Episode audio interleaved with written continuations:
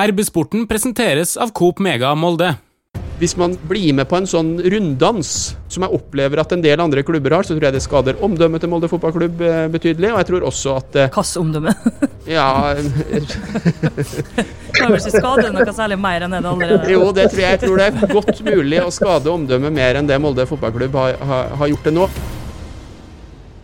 Velkommen til en ny episode av RB-sporten, Romsdals Bustikkes podkast for fotball og idrett i Romsdal. Mitt navn er Ole Bjørner Lo Velde. Molde fotballklubb tapte på overtid mot eh, Lillestrøm, og vi har et eh, panel med Pernille Husby, journalist og eh, supporter. Velkommen. Jo, takk. Martin Brøste, sportsjournalist i Romsdals Bustikke. Velkommen. Takk for det. Og med oss på link så har vi MFK-supporter Anders Solfjell Gjerseth. Velkommen. Takk skal du ha. Vi har valgt å invitere en eh, MFK-supporter i eh, panelet denne eh, uka, ved siden av Pernille. Og årsaken til det er at søndag kveld, når alt var på sitt tyngste, Molde hadde tapt på overtid, så fikk jeg en melding på min telefon. En kollega hadde lest et innlegg på Tornekrattet debatt, og der var det to egentlig som fikk som hatten passa. Det var eh, RB-sporten og eh, Molde fotballklubb. Og eh, avsender av denne meldinga var eh, deg, Anders. Eh, Du var eh, oppgitt over eh, det du hadde sett på banen, men du var også litt oppgitt over oss i RB-sporten. Fortell litt om eh, hva du skrev. Ja, Det var jo eh, mye rart. Det var litt sånn eh, trasig å, liksom bli invitert når det er sånn nettroll. Eh, jeg har ikke første, Nei, ikke det, det, det, det er ikke første gangen jeg har skrevet et eller annet om dette temaet i etterkant av kamper eller før sesongen. Så det er jo litt sånn eh, symptomatisk med det samfunnet vi lever i, at du må faktisk eh, rope veldig høyt før noen legger merke til det. Det var ikke noe spesielt med denne kampen egentlig, synes jeg, som gjorde at jeg reagerte på noen måte. Men det som er blitt oppgitt over, er jo bl.a. En kommentar fra forrige podkast. Hvor dere presterte altså mener mene det at Bodø-Glimt var litt mette på suksess.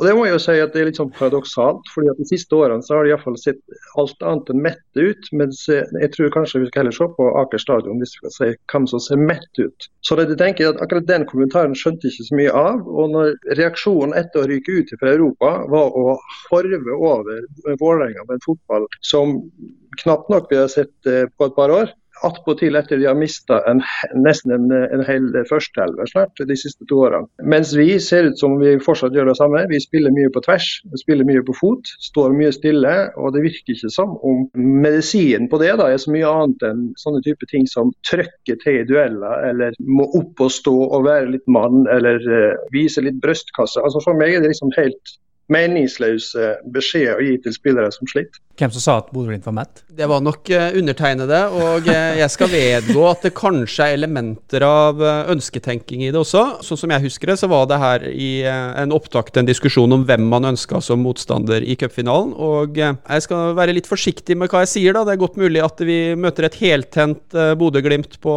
Ullevål stadion, men en liten del av meg, kanskje er ønsketenkning, håper at vi møter en litt mett gjeng, eh, og at det kan være en mulighet for, eh, for Molde fotballklubb. Men la oss gå litt tilbake til det eh, Anders melder her, da. Vi kan ta litt oss i panelet først. Har vi en tendens til å være litt for positive til Molde fotballklubb? Ja, jeg syns ikke at jeg alltid er så veldig positiv, men altså, jeg, glemmer kanskje litt lett, da. Men jeg føler at jeg har jo vært uh, sint og sur og trykt til eh, flere ganger, jeg. Men jeg, ja, kanskje vi, det blir litt for god stemning her. Kanskje vi må være litt uh, sintere. På søndag da jeg så det innlegget på Tornekrattet debatt, så tenkte jeg ja, jeg, jeg orka ikke å svare da, for var jeg, så, jeg var så sint at da måtte jeg ligge i et mørkt rom helt for meg sjøl, i dørgende stillhet. Nei, altså jeg tror kanskje at vi prøver å se litt, kanskje litt for mye på den positive sida noen ganger. At vi tenker at det er ikke så farlig. Og det er jo en forskjell på sportsjournalister og fotballsupportere.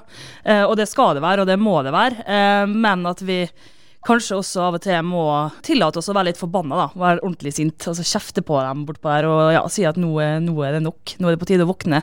For den gjengen som var ute på banen eh, mot Lillestrøm, det, var det virka ikke som de hadde lyst til å være der. syns jeg. Eh, for å labbe rundt. Det var så vidt de orka å springe. Det, det var helt forferdelig å se på. Og med den ramma det var, det var sol, det var varmt, altså du kunne sitte uten jakke, det var over 5000, eller noe sånt. Det var masse folk der i hvert fall, og det var stemning. Og så leverer ikke spillerne. Nei, jeg skjønner godt at folk er forbanna. Det skjønner jeg. Men Martin, kan du um, forklare lytterne våre litt sånn kort, hva er forskjellen på å være supporter og eh, sportsjournalist? Rent bortsett fra at du alltid er edru da når du ser fotball, men eh, Ikke alltid. I hvert fall når du er på jobb, da, håper jeg. Nei, Vi skal jo prøve å distansere oss vekk fra de liksom, sterkeste følelsene. Da. Vi òg blir jo forbanna og sur når Molde er dårlig, uh, og det var jo tilfellet sist. Men vi må jo på, en måte prøve å ta et steg bak og se litt bak resultatet, se litt større, større på det. og Vi får jo som regel, da, når Molde taper, så kommer det også en kritikk mot oss i, i avisa. Vi er for lite kritisk. Titlene våre er for lite negative og sånne ting. Og det er jo sånn som vi må, må leve med, og, og, noe av kritikken er helt sikkert også uh, godt begrunna. Vi er jo ikke supportere, eller vi er supportere, men samtidig så har vi en litt annen, litt annet syn på, på hvordan det ser ut. Tenningsnivå, kanskje. Ja. Halvveis inn i resonnementet ditt så så jeg en uh, finger i været fra Anders på link her. Hva var det du tenkte på?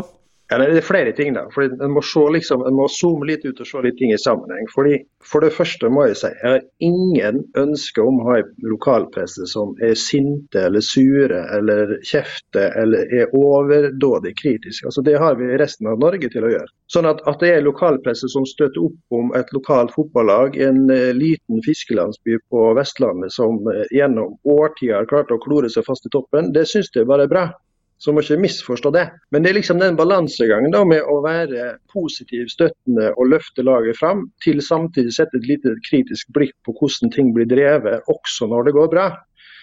Fordi at Det jeg har savna egentlig mest Jeg er helt enig, Pernille, du har prøvd eh, heroisk å Være sur? F.eks. i fjor så skrev vi også et innlegg som eh, veldig mange hengte seg på i forhold til at vi faktisk syns i etterkant av europacupkampene òg, som var fantastiske på alle mulige måter, at det ble litt lite fokus på hva som skjedde bak resultatene. For vi må ikke stikke under en stol at vi holdt på å ryke ut. Vi var et straffespark unna mot Karabag, og vi var stolpetreff. Og Andreas Linde fra ryket mot Hoffenheim. Så det er fantastiske prestasjoner. og Jeg elsker å se Molde spille god fotball bort bortebane i Europacup mot store lag. Men, men, samtidig så er det et fryktelig dårlig bunnivå over lang tid. Og det skjer oftere og oftere, og de gode periodene blir for meg i hvert fall som ser sjeldnere og sjeldnere. Toppnivået er fantastisk, men den der konsistente prestasjonene syns jeg savner. Og det som jeg savner fra lokalpresset da, er jo faktisk at en ser litt sånn bak resultater. Sist gang det var en diskusjon i studio om nettopp dette, så ble det på en måte litt sånn latterliggjort at faktisk folk stilte spørsmålstegn ved treneren. Jeg syns det er helt legitimt alltid å stille spørsmålstegn ved treneren, både når det går bra og når det går dårlig. Men da ble det liksom kun fokus på resultater. Og jeg må innrømme, for meg er det helt greit om vi har et lag som av og til eh, ikke får medalje. Jeg har ingen forventning om at en klubb på vår størrelse alltid skal ha medaljer eller gull. Så lenge vi har et lag vi kan være stolt av som spiller god fotball, så er det jo noe som betyr noe for meg. Jeg har jo en sønn da, som er 16 ganger ivrigere enn meg, eh, både på sosiale medier og, han reiser jo Norge på kryss og tvers for å følge laget. Og han har vokst opp bare med gull. Jeg har vokst opp med knapt nok å ha opplevd eh, mer enn en sølvmedalje og en cupfinaletriumf. sånn at for meg er liksom, jeg har oppnådd nesten alt jeg kan drømme om med MFK. Men, men, de som vokser opp i dag, har jo ikke det. Og Hvis du skal klare å holde posisjonen som klubb i ei tid som vi lever i nå, litt sånn som dere òg har vært inne på, at folk faktisk sitter og multitasker hjemme heller enn å gå på stadion, så må du by på noe mer enn bare på en måte en 1-0-seier eller en 3-2-seier og si, balltrilling på tvers. Fordi For meg er det sånn fotballen vi spiller to av tredjedeler av tida, er dørgende kjedelig. Og da blir det litt sånn at Jeg merker sjøl at jeg tar fra mobiltelefonen, det er trist å si det. Så, så litt sånn bak resultat, det er det jeg er opptatt av. Utviklingskultur. Og der er Bodø-Glimt i en helt annen liga. Hei, Hilde her, fra Coop Mega Molde. Kom innom og se vårt store, brede utvalg av mat fra lokale produsenter. Vi har også gavepakker til den som har alt. Velkommen til Coop Mega Molde! Vi skal ta og gå litt gjennom det her eh, innlegget som eh, skapte debatt på Tornekrattet sine sider eh, ved starten av uka. og noen eh, smilte sikkert over eh, innledninga. Hvis ikke nikkedukkene i studio nå kryper ut av den lykkebobla de har befunnet seg i over tre år, håper jeg du, Pernille, har nok kredibilitet og mot til å stille noen tydelige spørsmål. Det minner mer enn om en episode av Teletubbies på lykkepiller, For det er nesten ikke til å tro at det ikke er noen i det studioet som ser det de fleste av oss andre ser.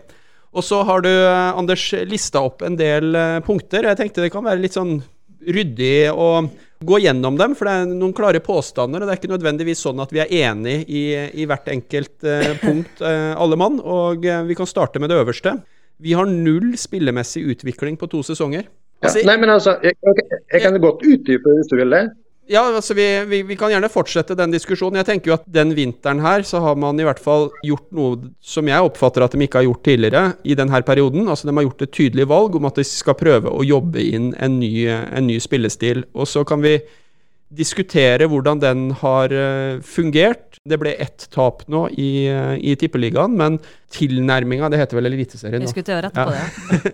men tilnærminga til hvordan de spiller fotball, er annerledes. Det vil jeg kalle utvikling. Og så kan man være like eller ikke like den uh, formasjonen som er valgt, men jeg syns jo at det er utvikling i spillet nå, sammenligna med det spillet som vi så eksempelvis på høsten i fjor. Så at Hvis man skal ta et sånn toårsperspektiv, så syns jeg jo absolutt at det skjer utvikling i måten Molde fotballklubb spiller fotball på. Og så kan nok jeg også si at det er kanskje ikke den spillestilen som ligger mitt hjerte nærmest. Men da begynner vi å snakke om følelser og hvilke preferanser man har for hvordan fotball skal spilles. Utvikling oppfatter jeg at Molde fotballklubb har for øyeblikket. Ja, da må vi jo være uenige om, er enige om å være uenige. Fordi det, for meg handler det noe om de fleste fotballtrenere som jeg ser på toppnivå, sier jo bl.a. at tallkombinasjoner på banen er én ting.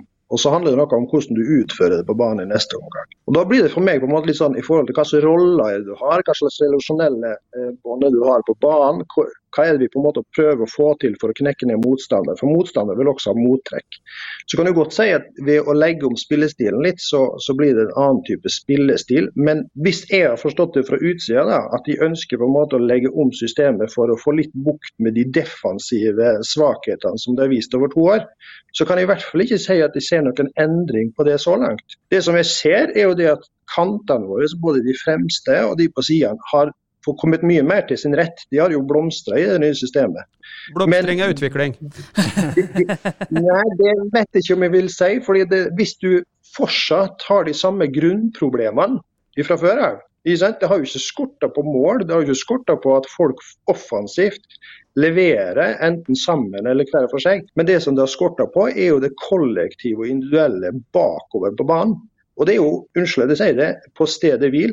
Bunnivået vårt, og det tenker jeg er det aller viktigste med spillemessig utvikling. Du må heve bunnivået. For hvis du har et veldig lavt bunnivå i kamper eller over perioder, som vi nå har hatt tre år på rad, også det året vi vant gull, hadde vi akkurat den samme tendensen. Det hadde vi også under Solskjær i flere år. Jeg er ikke fotballfagmann på noen annen måte enn at jeg har noen trenerkurs og har vært trener for, for aldersbestemt fotball. Sånn at Jeg er ikke noen fotballfagmann, men de jeg snakker med som kan sitt fag. og Jeg har lest boka til Verheyen som eh, jeg syns er fantastisk. Jeg bruker henne også i mitt arbeid som veileder og rådgiver og terapeut. Fordi at Læring er det samme om du på en måte jobber med mennesker, uansett om det er på idrettsbanen eller om det er andre, andre forhold. Så Der syns jeg jo på en måte bunnivået til Bodø-Glimt er skyhøyt mye høyere. Og så kan vi godt si det at begge lag har et veldig bra øverste nivå. Men, men, det nytter ikke på en måte liksom å ha et veldig høyt toppnivå når du veldig sjelden klarer å ha det enten i flere kamper på rad eller gjennom en hel kamp. Jeg er jo enig i at Molde for sjelden da, leverer på sitt aller beste. At det for, har vært for ujevnt nå uh, i begynnelsen. At Molde har vært veldig god når de først har vært gode, men også har det, det også vært Det har tatt veldig lang tid å komme i gang. Og så har det vært et, et, veldig stort problem med at de har drevet og kasta baller i mål omtrent, og, ja. og blitt liggende under nå i det var de fire kamper. Det er rene personlige feil. Det er ikke sånne strukturelle feil, taktiske feil, men det er rett og slett personlige feil av keeper, forsvarsspillere, som gjør at Molde begynner da i motbakke. Eh, motstanderen får kampen inn i sitt spor, kan legge seg litt lavt. Eh, det har vært et veldig stort problem da, i de første kampene. Så hvis du greier å, å få bort i hvert fall eh, ja, Karlstrøm har jo hatt flere nå, så han må jo slutte med det, først og fremst. Så, så blir det jo bedre. Jeg skulle til å si eh, her at akkurat det som eh, Anders sa nå, det tror jeg at, er en av de tingene vi kan være enige om å være enige om. For altså, frekvensen på bunnivå er altfor høy, og når man ser det periodevis mot Lillestrøm, så er det også skremmende lavt. Det er jo helt, egentlig helt merksnodig at det går an, syns jeg. Altså at det går an å spille så fantastisk fotball i det ene øyeblikket, og så i neste øyeblikk så ser det ut som om du aldri har spilt sammen. Selv om du aldri Det har er vært et annet lag på banen, da. Ja, det det er elleve motstandere som, eh, som skal prøve å ødelegge. Du må ikke glemme det. at uh, uh, Men er det for mye utskiftinger? Så må man ha stille samme elver litt oftere, kanskje? Men vi kan, vi kan jo se tilbake i altså 2011, når, når det første året vi vant gull. Så eh, henter en jo eh, veldig mye merksnodige spillere òg, men en henter iallfall tydelige kvalitetsspillere som kom inn i helt bestemte roller og styrte spillet i en helt annen grad. Det samme gjorde vi i 2014. Henta klassespillere som gikk inn i helt definerte roller, og som løfta laget på en måte helt vesentlig. 2019 akkurat det samme. ikke sant? Mens nå har vi jo egentlig henta en haug med spillere. Det er greit nok tid man skal på en måte inn i en tydelig rolle. Men for meg så er det spesielt offensivt. Det er helt meningsløst å, å, å kjøpe en indreløper i en 4-3-3 som på en måte har prestert det i tre år, og begynne å, å skyfle han rundt om på banen i, en, i roller han ikke har spilt i. Og så kan vi gjerne mene det at mye av de offensive relasjonene osv. kanskje kan være like, men, men likevel elementært for all læring. Skal du bli trygg i det du skal prestere, uansett om du er på fotballbane eller ellers, så må du på en måte øve på det du skal bli trygg på. Og den rulleringa som foregår òg, ja det er greit, vi har en breistell og alt det der, men det gjør noe med tryggheten i et lag, det gjør noe med det relasjonelle i et lag. Sånn er det på alle arenaer. Og der ser jeg heller ikke noen sånn veldig tydelig utvikling, da. Jeg syns det er interessante betraktninger. På noen områder så er jeg enig, også på andre områder så savner jeg litt eh, nyanser, da. Kanskje det første man skal begynne med, det er jo kanskje hva er Molde fotballklubb sin sin posisjon. Hvordan har de drevet virksomheten sin over tid? Og eh, Molde fotballklubb er et eh, norsk topplag med internasjonale ambisjoner, men vi er samtidig en utviklingsklubb, sånn som jeg opplever det. Og eh, i en utviklingsklubb så er det sånn at i noen perioder så kjøper man spillere som det tar tid å utvikle, og så har man spillelogistikk som gjør at man veldig gjerne skulle hatt inn de riktige spillerne på et tidspunkt, sånn at de er ferdig utvikla når enkelte andre spillere går ut, da, sånn som i det overgangsvinduet vi opplevde nå. Så jeg er litt sånn usikker på, på, hva slags klubb jeg ønsker meg i forhold til den galoppen som det kan være, da, for å hente de her signifikante spillerne som skal rett inn på topp. Fordi det jeg ser, er at Molde fotballklubb er allerede den klubben i Norge som bruker mest penger på agenthonorar. Og hvis vi skal Jeg sier vi gjentatte ganger, da, for, at, for at det, er, det, er, det, er, klubben som, som jeg holder med i Norsk Tippeliga. men hvis man blir med på en sånn runddans, som jeg opplever at en del andre klubber har, så tror jeg det skader omdømmet til Molde fotballklubb eh, betydelig. Og jeg tror også at eh, Hvilket omdømme? ja Kan vel ikke skade noe særlig mer enn det det allerede Jo, det tror jeg, jeg tror det er godt mulig å skade omdømmet mer enn det Molde fotballklubb har, har, har, gjort det nå. Jeg tror at hvis man blir den klubben som hele tida byr mest for å få den signifikante spilleren, så tror jeg det vil være ødeleggende, samtidig som det vil gjøre noe med viljen til å ha finanser i. Men det er replikk her fra ja. Jeg må bare nyansere én ting. Der. Jeg har, eh, når jeg sier hente klassespillere, så betyr ikke at jeg nødvendigvis vil at klubben skal hives på noe pengegalopp. Tvert imot. Jeg syns den er kjempeedruelig politikk. Klubbdriften i Molde fotballklubb kan ingen kritisere dem for. Den er fantastisk bra. Hvis du ser på klubbdriften isolert sett. Så kan vi si mye om på en måte det sportslige produktet og utvikling av det, men, men klubbdrift er det i toppklasse. Så jeg, er ikke ute etter på en måte å hente en spiller som Berisha til 25 millioner og sette en ny standard for hvordan eh, ting skal være. Men det jeg sier er at eh, å hente klassespillere som skal inn i definerte roller, om, i denne sammenhengen òg, da. Markus Kaasa har jo levert ganske bra, selv om han har hatt litt downer siste sesongen, kanskje, i Odd, i en mindre klubb. Så Sånn sett så kan du si han er en klassespiller på norsk målestokk, hvis du skal tenke han skal kunne forsterke et lag. Men han blir jo henta, og så blir han ikke brukt, eller han blir brukt i andre roller enn det han er vant til. Og Da synes jeg det er litt sånn paradoks da, at vi skal eh, bruke mye tid på å hente en spiller og, og, få han inn i et lag, og så skal vi bruke han til noe annet enn det han er god på. Så vil jeg bare nevne at uh, Selv om Molde ikke har henta inn uh, flere klassespillere i vinter, så betyr jo ikke det at de ikke har prøvd. Det har jo vært uh, snakk om, om, flere andre spillere som vi vet at de har prøvd å hente. Men det er jo også en bra ting det òg, at man greier å si nei, da. Der er vi ikke uenige. Men jeg tenker altså sånn rent defensivt så mangler vi jo altså, Jeg tror nok at det hadde vært sett litt bedre ut for Molde sin del hvis en Sheriff Sinjan var oppe og gikk, da. Altså Han var jo en veldig viktig spiller for Molde i fjor, og det, han er jo sårt savna. Eh, men så er det jo ta fordømte kunstgresset, da. Ja, Det er der jeg tenker at diskusjonen blir litt unyansert. For at man har jo henta inn to spillere i Forsvaret som nå har spilt eh, jevnt, og som eh, den ene, etter mitt syn, Eirik Haugan, har overprestert ut fra hva som var mine forventninger. sånn at man har jo truffet også. Det er jo en ekstremt billig og god og, og fin investering for Tidemann også kom som uh, Bosman-spiller. Har levert uh, varierende til nå, men uh, også hatt gode kamper. Jeg syns ikke det defensive har vært så krisedårlig som mange skal ha det til. Jeg syns det har vært mer personlige feil. Ja, det er Som jo har gjort at det blitt, det er jo eh, tre gigantiske keepertabber som uh, har blitt til mål, og det kunne vært flere. Det kunne vært opptil fem, kanskje. Så det er jo klart at det skorter, men eh, det hadde jo vært en, i hvert fall en defensiv styrke å ha sin igjen, da. Det det jeg mener. Jeg trenger ikke at det har vært helt ræva. Og offensiv styrke, faktisk. Ja, absolutt. Han skårte og sto på han. Så det er flere ting, da. Skjermen Haraldseide, forresten. Skada. Men, Ja, men, men- det, men, men det er jo Det. Men det er jo igjen at? Nå, har vi jo, nå har vi jo slitt med skader i jeg vet ikke hvor mange år. Eh, vi har nøkkelspillere ute i, i lange perioder. Og så eh, er det veldig mye fokus på det med kunstgress. Og det har helt sikkert òg eh, en, en, en ting å si. Men det må jo stilles spørsmål eh, til det medisinske apparatet i en klubb eh, som har gjentatte alvorlige skader over tid. Ikke minst belastningsskader, gjentatte skader.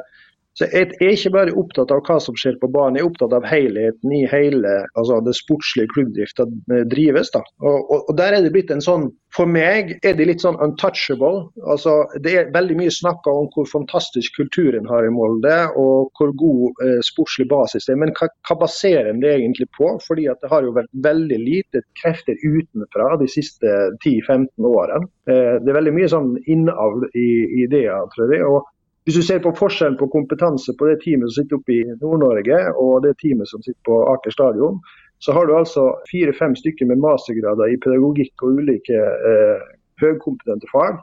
Pedagogikk er en helt nøkkelfaktor når du skal lære folk å spille fotball. Eh, mens eh, i, i Molde så har vi altså stort sett folk som blir henta etter de er ferdig med spillerkarrieren uten noen formell utdanning. Og Det syns jeg er et lite paradoks. Fordi at det er en ting jeg har lært meg, du, Skal du bli en god trener, så må du ha spilt fotball på et toppnivå sjøl. Det er veldig vanskelig på en måte å bli en god fotballtrener hvis du ikke har gjort det. Men hvis du skal lære andre i å spille fotball, så er det faktisk en nødvendighet, sånn som det er for de aller fleste andre ting du skal lære i dette samfunnet. Du må vite hvordan du skal lære det fra deg. Og, og Det hjelper ikke å stå på sidelinja og gape og skrike og rope 'trøkke til, gutta' osv. Du må ha spesifikke, klare beskjeder i spesifikke, klare roller. sånn Ja, men vi, vet jo ikke, ikke, vi hører jo ikke alt det som sies på sidelinja. Det vet vi jo ikke vi, Nei, men- hva som men sies. Du kan se forskjellen på de to trenerne i pauseprater. Ja, men vi, ja, På intervju, mener du? Ja, ja, Ja, men- det men altså- Ja, ja, men det handler jo litt om altså, hva folk er interessert i å høre. Det er, en, det er en subjektiv oppfatning, da.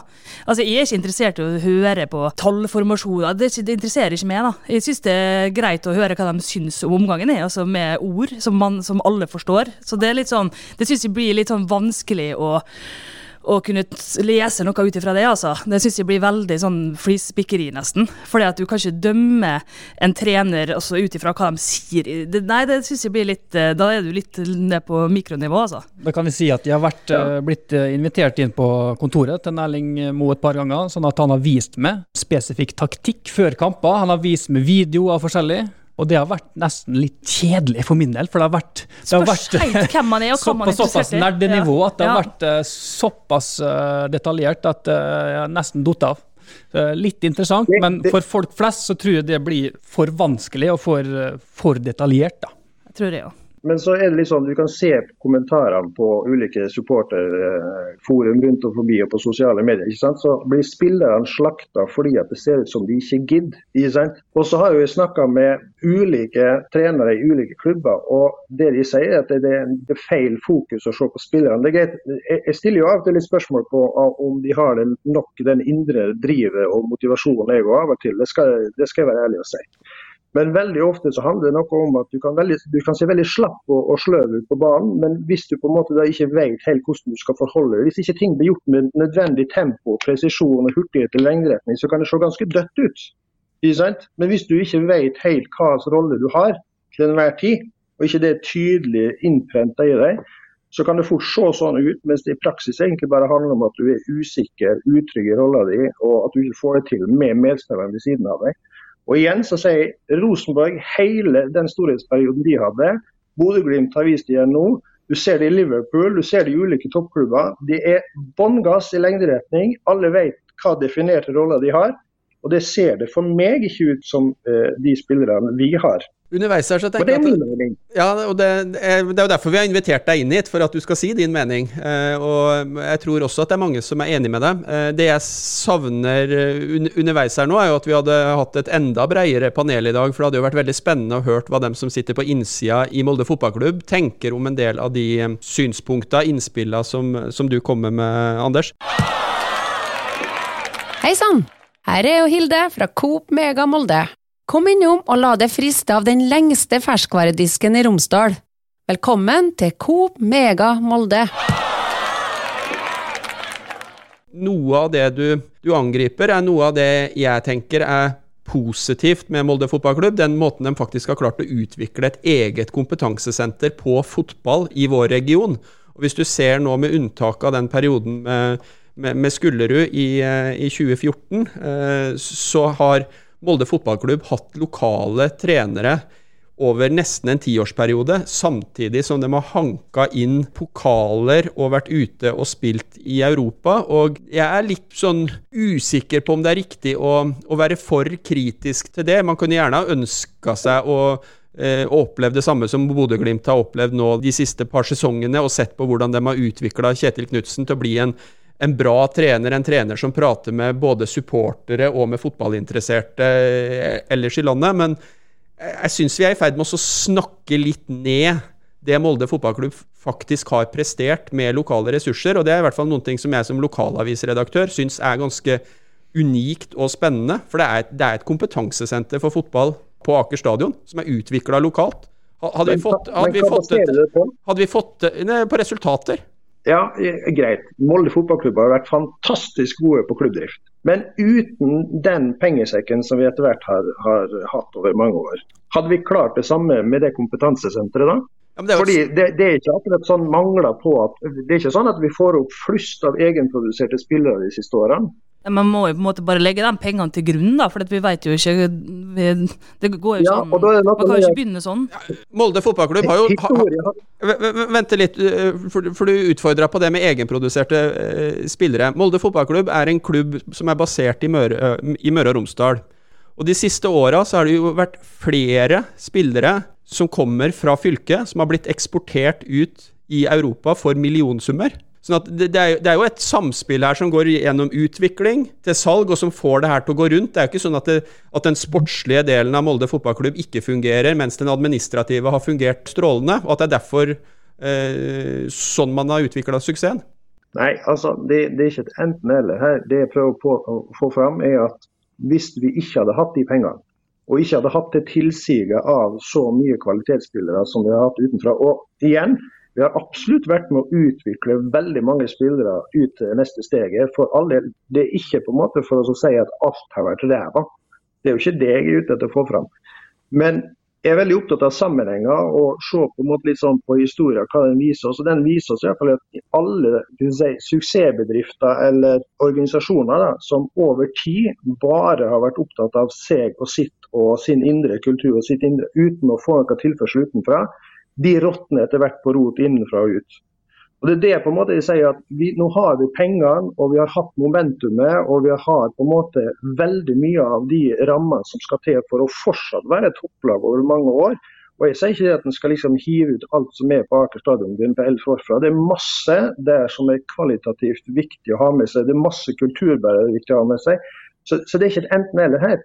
Jeg var jo kjempeglad når jeg så eh, at de snakket om på en måte å få inn en person til i trenerteamet. og Jeg synes det var kjempespennende at de tenkte rundt det med Jørgen Isnes. Jeg kjenner ikke så godt til han, men jeg vet i hvert fall det at han er en mann som har fått til mye med få ressurser. Og det å få på en måte andre tanker inn, andre ideer inn, det tror jeg er ekstremt viktig for å fortsatt klare å utvikle en kultur og fortsatt klare å utvikle hele klubben. da. Og der savner jeg litt sånn den der hver gang det kommer en eller annen røst som ytrer et eller annet som kan virke litt kritisk til det som skjer, så blir på en måte den der argumentasjonen blir, ja, men vi er et kompetansesenter, vi har utvikla så og så mange spillere. Og Det er liksom for seint å begynne å stille de spørsmålene hvis det går eh, nedover og den utviklingen stopper. Derfor jeg tror det er veldig sånn at jeg syns det er interessant å ha med deg, Anders, i poden i dag, og bringer inn den type perspektiv. For at nå ser vi litt mer på en måte dybden som ligger i et sånt resonnement. Det som jeg kan eh, noen ganger eh, riste litt på hodet over, er at du får et slags sånn kollektivt sånn eh, skifte ut treneren, skifte ut treneren etter et par, eh, par dårlige resultater. og det er egentlig et ganske godt tidspunkt å ta det på. For hvis du ser på det Molde fotballklubb har prestert eh, de siste tre månedene, så er det jo resultatmessig veldig bra. Det er en cupfinale rett fram i tid. De har knapt tapt en kamp. De har spilt eh, mot god europeisk motstand i en oppkjøring og, og vist hva som bor i laget. Og de har henta seks av ni poeng i eh, Eliteserien. sånn at det er egentlig et ganske interessant og godt tidspunkt å ta det på. For jeg tror alle de 5000 som gikk fra stadion på søndag, jeg tror faktisk det var opp mot 5000 der også i finværet, Ja, det virka sånn. var skuffa og, og, og forbanna og på en måte søkte svar. Og det er jo litt det som er årsaken til at vi velger å bruke denne episoden til denne tematikken. da. Resultatet er det ingen som kan ta, verken Molde fotballklubb, Erling Moe eller noen som helst på. For de er fantastiske, uavhengig om det er to år siden gull. Jeg tenker det er helt urealistisk å tenke vi skal ha gull etter gull etter gull hvert eneste år. Rosenborg hadde en kultur gjennom Nils Arne Eggen som er egentlig akkurat det samme som Bodø-Glimt holder på med nå. Og Da snakker jeg ikke om spillestil eller hvilke spillere, men jeg snakker om de hadde en utviklingskultur i bånn. Mens på Aker stadion har jeg mer et inntrykk av at det snakkes om en prestasjon og en vinnerkultur. Og jeg tenker at Skal du vinne og prestere over tid, så må du først og fremst være opptatt av å utvikle deg som lag, utvikle deg som klubb, utvikle deg som menneske, utvikle alle ledd i organisasjonen. Og Der synes jeg på en måte liksom, der kommer den gamle spøkelsen, iallfall for meg, som vokste opp med Molde fotballklubb på 80- og 90-tallet, hvor jeg opplevde de var veldig lukka. Eh, Så kom det med Jonøvre og også med Erling, at de har blitt mye mer åpne. Men, men akkurat når det kommer til det med å eh, stille spørsmålstegn ved den eh, kanskje manglende utviklingen som noen av oss i hvert fall mener å se, så kommer fort piggene ute og får på en måte liksom høre det at ja, men vi som jobber med dette, vi kan ikke forholde oss til det. Men du må faktisk forholde deg til publikum, for det er de som faktisk betaler lønningene dine. Og uten publikum så dør fotballen veldig fort. Og framtidas fotballsupportere kommer til å ha et helt annet krav til hvordan fotballopplevelsen skal være. Fordi at de er vant til å få si, gull og fotball inn i stua hver eneste dag. Det var ikke vi som vokste opp på, på 70-80-tallet. altså. Jeg er usikker på om eh, inntrykket av oss som eh, nikkedokker er, eh, er vesentlig endra, men eh, la oss nå prate litt om noen som har slitt mer enn oss. For eh, på søndag så er det Rosenborg som er eh, motstander på Lerkendal. Og ja, har lyst til å høre litt med panelet her, hva, hva forventninger vi har eh, til eh, den kampen. Ingenting. Eh, Det, tror jeg kommer til å bli et uh, Unnskyld uttrykket, helvete. Jeg gruer meg. Etter det jeg så på søndag, og det som har vært tendensene tidligere, så uh, syns jeg det er dritskummelt. Jeg syns det er skumlere enn på lenge, uh, og jeg syns alltid det er skummelt. Eh, og så kan man si liksom, ja, nei, vi slo dem to ganger i fjor. og bare sånn, Det hjelper ikke den borteseieren på Lerkendal i fjor. Det var reinspikka flaks, for da var vi ikke gode da heller. Så jeg tror, jeg tror Molde kommer til å tape. Eller at i beste fall at de klarer uavgjort. Men jeg har en kjempedårlig følelse, og det bruker jeg sjelden å ha. Men eh, dette har dere gjort bort med, Molde.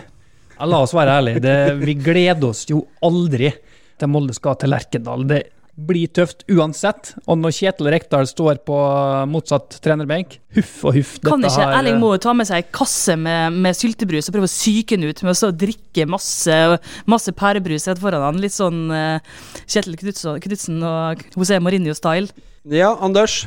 Ditt perspektiv, hva forventning har du til eh, kampen mot Rosenborg? Jeg tror det blir stort sett som det pleier å være, med få unntak. Det blir helt sikkert tett og jevnt. Eh, Jeg tror ikke noen av lagene bare kjører over det andre, og i hvert fall ikke sånn som momentum har vært så langt i sesongen. Så jeg har ikke noen sånn eh, supertro på Kjetil Rekdal over tid på, på Lerkendal for min del, men eh, akkurat i disse kampene tror jeg han vet hva som skal til, så jeg tipper en ganske åpen og tett eh, 1-1-kamp. Da har vi et tips her på 1-1.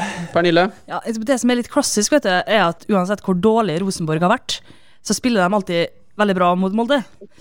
Jeg kan, jeg kan ikke tillate Molde-hjertet mitt å, tro, å tippe at Molde taper, sjøl om eh, jeg har en eh, liten demon som sitter og sier at de tror det. Jeg tror vi, det blir knepent. Skal jeg tippe resultat nå? Tippe resultat. Jeg tror Molde vinner 2-1. Wow. Jeg bruker jo som regel å ta feil på disse tipsa her, så jeg skal være såpass at jeg tipper på hjemmeseier, faktisk, på Lerkendal. Hvis Rosenborg tar ledelsen 1-0 der, går inn til pause med 1-0, så kommer jeg til å mure igjen bakover der. da blir det fryktelig vanskelig. Så Jakob Karlstrøm, du må slutte nå med disse feilene dine. Det har vi ikke råd til lenger. Men dessverre, dette vinner Rosenborg. Ja, mitt eh, perspektiv er jo egentlig ganske kjent. Jeg er vant til å holde med et eh, fotballag eh, i England som stort sett taper, og jeg går til hver eneste runde og håper at den vinner. Og sånn sett så kan du jo spørre om det er ønsketenkning, eller om det er et kvalifisert tips jeg presenterer. Men jeg tror Rosenborg kommer til å spille kjempekjedelig fotball. Molde kommer til å være litt mer reservert enn det vi er vant til å se dem. Det kommer til å bli en ganske kjedelig fotballkamp, og den vinner Molde fotballklubb 1-0. Og da kan man jo velge om man vil kalle det utvikling eller uh, flaks. Men uh, det er i hvert fall mitt håp for, uh, for søndagen. Anders, ettersom vi inviterte deg, jeg har lyst til å gi deg siste ordet som, som gjest. Ja. Hvordan var det å være en del av panelet? Jo, det var jo hyggelig, det. Jeg, har jo ingen, altså, jeg må jo understreke det, jeg hører jo podkasten hver uke. sånn at det, det, det, er jo liksom der du, du, går for å få med nyheter for, for MFK. Eh, så altså, det var hyggelig, det. Og så håper jeg jo at dere tør å hive dere frampå med litt eh, kritiske røster videre. Hvis Molde taper mot Rosenborg på søndag, da vi kan i hvert fall sende en kritisk røst uh, MFK en ting, men dommer Kai Eriksten, hva i all verden?! Hvordan går det an å overse det rødkortet der, det er for meg helt utrolig. Og når jeg ser det han sier etter kampen, så blir jeg altså så provosert. At det men, er men da, Det er faktisk en av de få gangene jeg reiste meg og var ordentlig delaktig som publikummer. Og da fikk jeg beskjed om å sette meg ned av dem som satt ved, satt ved sida av, og de sa at Brynildsen datt. Og jeg sa nei. Nei, han gjorde ikke det. Nei, men altså, jeg har hørt rykter om at han karen der kanskje skal dømme cupfinalen. Ja, det, altså, han ja, men, sier jo at han har sett situasjonen på mobiltelefonen sin etterpå og påstår da at dette er en rein duell der de springer side om side. Det er ingen dytt. Og da detter de begge to. Da var det sportsjournalist Martin Brøste som fikk siste episode eh, Nei, siste Siste, Takk for meg. Siste ord av denne episoden av eh, RB-sporten til alle dere som hørte på. Jeg håper at dere abonnerer på RB-sporten der dere abonnerer på podkast, for da får dere beskjed når en ny episode er eh, klar. Anders Solfjell Gjerseth, tusen takk for at du ble med oss. Og til dere andre, takk for følget. Bare hyggelig. Hei, Hilde her, fra Coop Mega Molde. Og Coop Mega Molde finner du alt du trenger til både hverdag og fest. Kom og la deg friste av den lengste ferskvaredisken i Romsdal. Du finner også et stort og bredt utvalg mat fra lokale produsenter. Velkommen til Coop Mega Molde.